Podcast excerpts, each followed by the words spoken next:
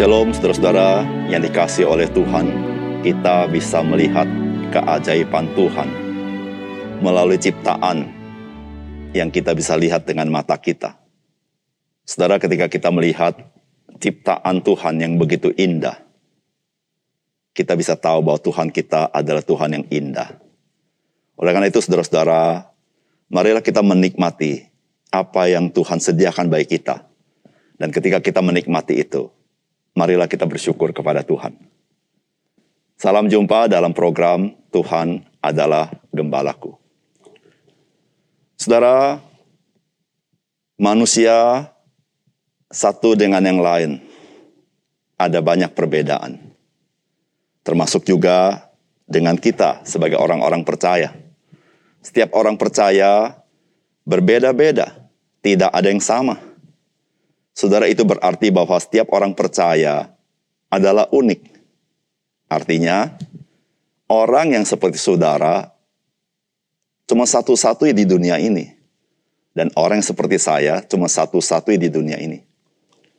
Saudara, apa artinya kita melihat perbedaan seperti ini? Saudara, dari perbedaan-perbedaan seperti ini, kita tahu bahwa Tuhan memperlakukan kita tidak generalisasi. Tuhan memperlakukan kita secara personal. Artinya, setiap kita itu begitu berharga di mata Tuhan. Karena dia bikin, dia ciptakan dengan keunikan masing-masing. Saudara, di situlah saudara-saudara, kita harus bersyukur melihat perbedaan itu bukan sebagai sesuatu yang membuat kita saling iri, terpecah, atau saling membenci. Tapi justru saudara, di situ saudara kita bersyukur kepada Tuhan. Karena setiap kita punya kelebihan, tapi setiap kita juga punya kekurangan. Dan perbedaan-perbedaan itu memperkaya kehidupan kita. Dan ketika perbedaan itu kita bergabung bersama-sama, menggambarkan kemuliaan Tuhan. Saudara, mari kita membaca firman Tuhan dari Yohanes pasal 21 ayat 18 sampai 25. Aku berkata kepadamu, sesungguhnya ketika engkau masih muda, engkau mengikat pinggangmu sendiri, dan engkau berjalan ke mana saja kau kehendaki. Tetapi jika engkau sudah menjadi tua, engkau akan mengulurkan tanganmu, dan orang lain akan mengikat engkau dan membawa engkau ke tempat yang tidak kau kehendaki. Dan hal ini dikatakannya untuk menyatakan bagaimana Petrus akan mati dan memuliakan Allah. Sesudah mengatakan demikian, ia berkata kepada Petrus, "Ikutlah aku." Ketika Petrus berpaling, ia melihat bahwa murid yang dikasih Yesus sedang mengikuti mereka, yaitu murid yang pada waktu mereka sedang makan bersama duduk dekat Yesus dan berkata, "Tuhan, siapakah dia yang akan menyerahkan engkau?" Ketika Petrus melihat murid itu, ia berkata kepada Yesus, Tuhan, apakah yang akan terjadi dengan dia ini? Jawab Yesus, jikalau aku menghendaki supaya ia, ia tinggal hidup sampai aku datang, itu bukan urusanmu. Tetapi engkau ikutlah aku. Maka tersebarlah kabar di antara saudara-saudara itu bahwa murid itu tidak akan mati. Tetapi Yesus tidak mengatakan kepada Petrus bahwa murid itu tidak akan mati. Melainkan, Jikalau aku menghendaki supaya ia tinggal hidup sampai aku datang, itu bukan urusanmu. Dialah murid yang memberi kesaksian tentang semuanya ini, dan yang telah menuliskannya, dan kita tahu bahwa kesaksiannya itu benar. Masih banyak hal-hal lain lagi yang diperbuat oleh Yesus, tetapi jikalau semuanya itu harus dituliskan satu persatu, maka agaknya dunia ini tidak dapat memuat semua kitab yang harus ditulis itu. Saudara yang dikasih oleh Tuhan, setelah Simon Petrus mendengar apa yang Tuhan katakan tentang masa depan dia, maka dia bertanya kepada Tuhan Yesus, yaitu tentang Yohanes, yaitu seorang murid yang dekat dengan Tuhan Yesus. Namun Tuhan Yesus tidak menjawab bagaimana masa depan daripada Yohanes. Saudara kita tidak tahu mengapa Simon Petrus bertanya tentang Yohanes kepada Tuhan Yesus. Kemungkinan karena dia mempunyai keinginan tahu yang besar. Tapi mungkin juga Simon Petrus cukup peduli dengan Yohanes. Karena Yohanes adalah murid Tuhan Yesus yang paling muda pada masa itu. Dan Simon Petrus adalah murid yang paling tua pada masa itu. Saudara, apakah pesan firman Tuhan bagi kita? Saudara yang pertama, saudara, Tuhan memakai setiap orang itu secara khusus. Sesuai dengan rancangan, anugerah, dan kedaulatan Tuhan. Sehingga setiap orang percaya tidak boleh membandingkan dirinya dengan orang lain. Melainkan setiap orang percaya harus mengikut Tuhan Yesus dengan setia. Saudara firman Tuhan berkata demikian, ketika Petrus berpaling ia melihat bahwa murid yang dikasih Yesus sedang mengikuti mereka, yaitu murid yang pada waktu mereka sedang makan bersama duduk dekat Yesus dan berkata, "Tuhan, siapakah dia yang akan menyerahkan engkau?" Ketika Petrus melihat murid itu, ia berkata kepada Yesus, "Tuhan, apakah yang akan terjadi dengan dia ini?" Jawab Yesus, "Jikalau aku menghendaki supaya ia tinggal hidup sampai aku datang, itu bukan urusanmu tetapi engkau ikutlah aku. Saudara, yang sangat menarik dari respons Yesus terhadap pertanyaan Simon Petrus tentang bagaimana masa depan Yohanes, yaitu kalimat itu bukan urusanmu. Saudara-saudara yang kasih dalam Tuhan, di dalam hidup kita ada banyak urusan yang kita urus. Tapi kita juga sering kali mengurus yang bukan urusan kita.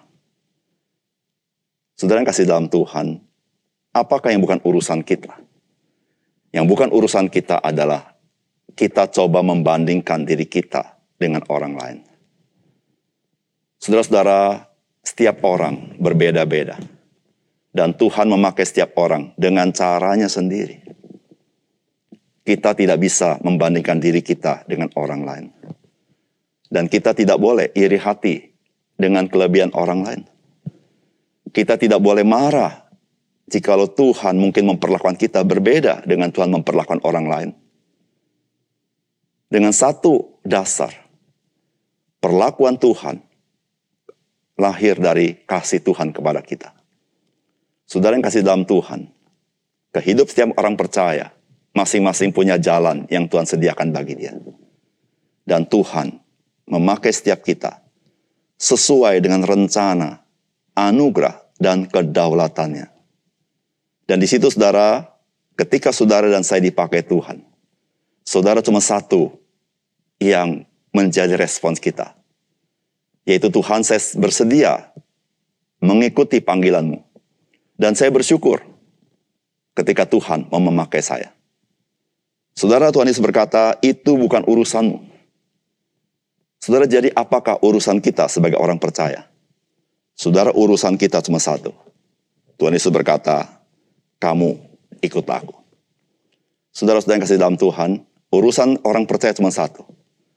Dalam hidup kita, mari kita ikut Yesus. Mari kita hanya memandang dia dan mengikuti panggilannya. Apa pun yang terjadi dalam hidup kita, urusan kita cuma satu, saudara. Yesus berkata, kamu ikutlah aku. Saudara, mari kita sebagai orang-orang percaya. Kita menghayati apa yang Yesus katakan ini. Ada banyak urusan dalam dunia ini. Tapi ada kalanya kita mengurus yang bukan urusan kita. Dan Tuhan memberitahukan kepada kita satu urusan orang percaya. Yaitu kita ikut Tuhan dengan setia. Yang kedua, saudara firman Tuhan hari ini mengajar kepada kita. Setiap orang percaya menerima tanggung jawab dari Tuhan secara khusus di dalam memikul salibnya sebagai kasih karunia dari Tuhan. Saudara Tuhan Yesus berkata, Aku berkata kepadamu, sesungguhnya ketika engkau masih muda, engkau mengikat pinggangmu sendiri. Dan engkau berjalan ke mana saja engkau kendaki. Tetapi jika engkau sudah menjadi tua, engkau akan mengulurkan tanganmu dan orang lain akan mengikat engkau dan membawa engkau ke tempat yang tidak kau kendaki. Dan hal ini dikatakannya untuk menyatakan bagaimana Petrus akan mati dan memuliakan Allah. Sesudah mengatakan demikian, ia berkata kepada Petrus, ikutlah aku. Saudara yang dikasih oleh Tuhan, Simon Petrus mendapat anugerah khusus karena Tuhan Yesus memberitahukan apa yang akan terjadi dengan Simon Petrus. Karena Tuhan Yesus tidak mengatakan itu kepada murid yang lain. Saya tidak tahu apakah yang menjadi respon Simon Petrus ketika mendengar apa yang akan terjadi dengan diri dia. Bahwa dia akan mengalami sesuatu yang dia tidak sukai mungkin yang dia tidak harapkan mungkin. Dan itu pasti adalah penderitaan. Itu pasti adalah kesusahan. Dengan bahasa lain, saudara-saudara, itu sama dengan memikul salib. Karena mengikuti Yesus. Cuma saudara-saudara, di dalam perkataan Tuhan Yesus ini, maka kita melihat ada satu hal yang sangat indah di dalamnya. Bahwa di dalam memikul salib pun, saudara-saudara, itu juga adalah kasih karunia Tuhan kepada kita.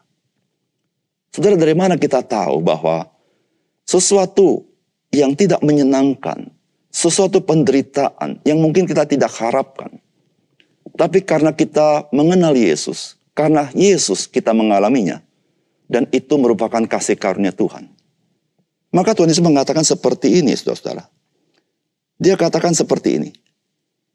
Engkau akan mengulurkan tanganmu dan orang lain akan mengikat engkau dan membawa engkau ke tempat yang tidak kau hendaki. Dan hal ini dikatakannya untuk menyatakan bagaimana Petrus akan mati dan memuliakan Allah. Saudara yang kasih dalam Tuhan, penderitaan yang Petrus alami, penderitaan yang sampai mati, tetapi saudara, pengalaman itu pengalaman yang memuliakan Tuhan. Saudara yang kasih dalam Tuhan, setiap orang percaya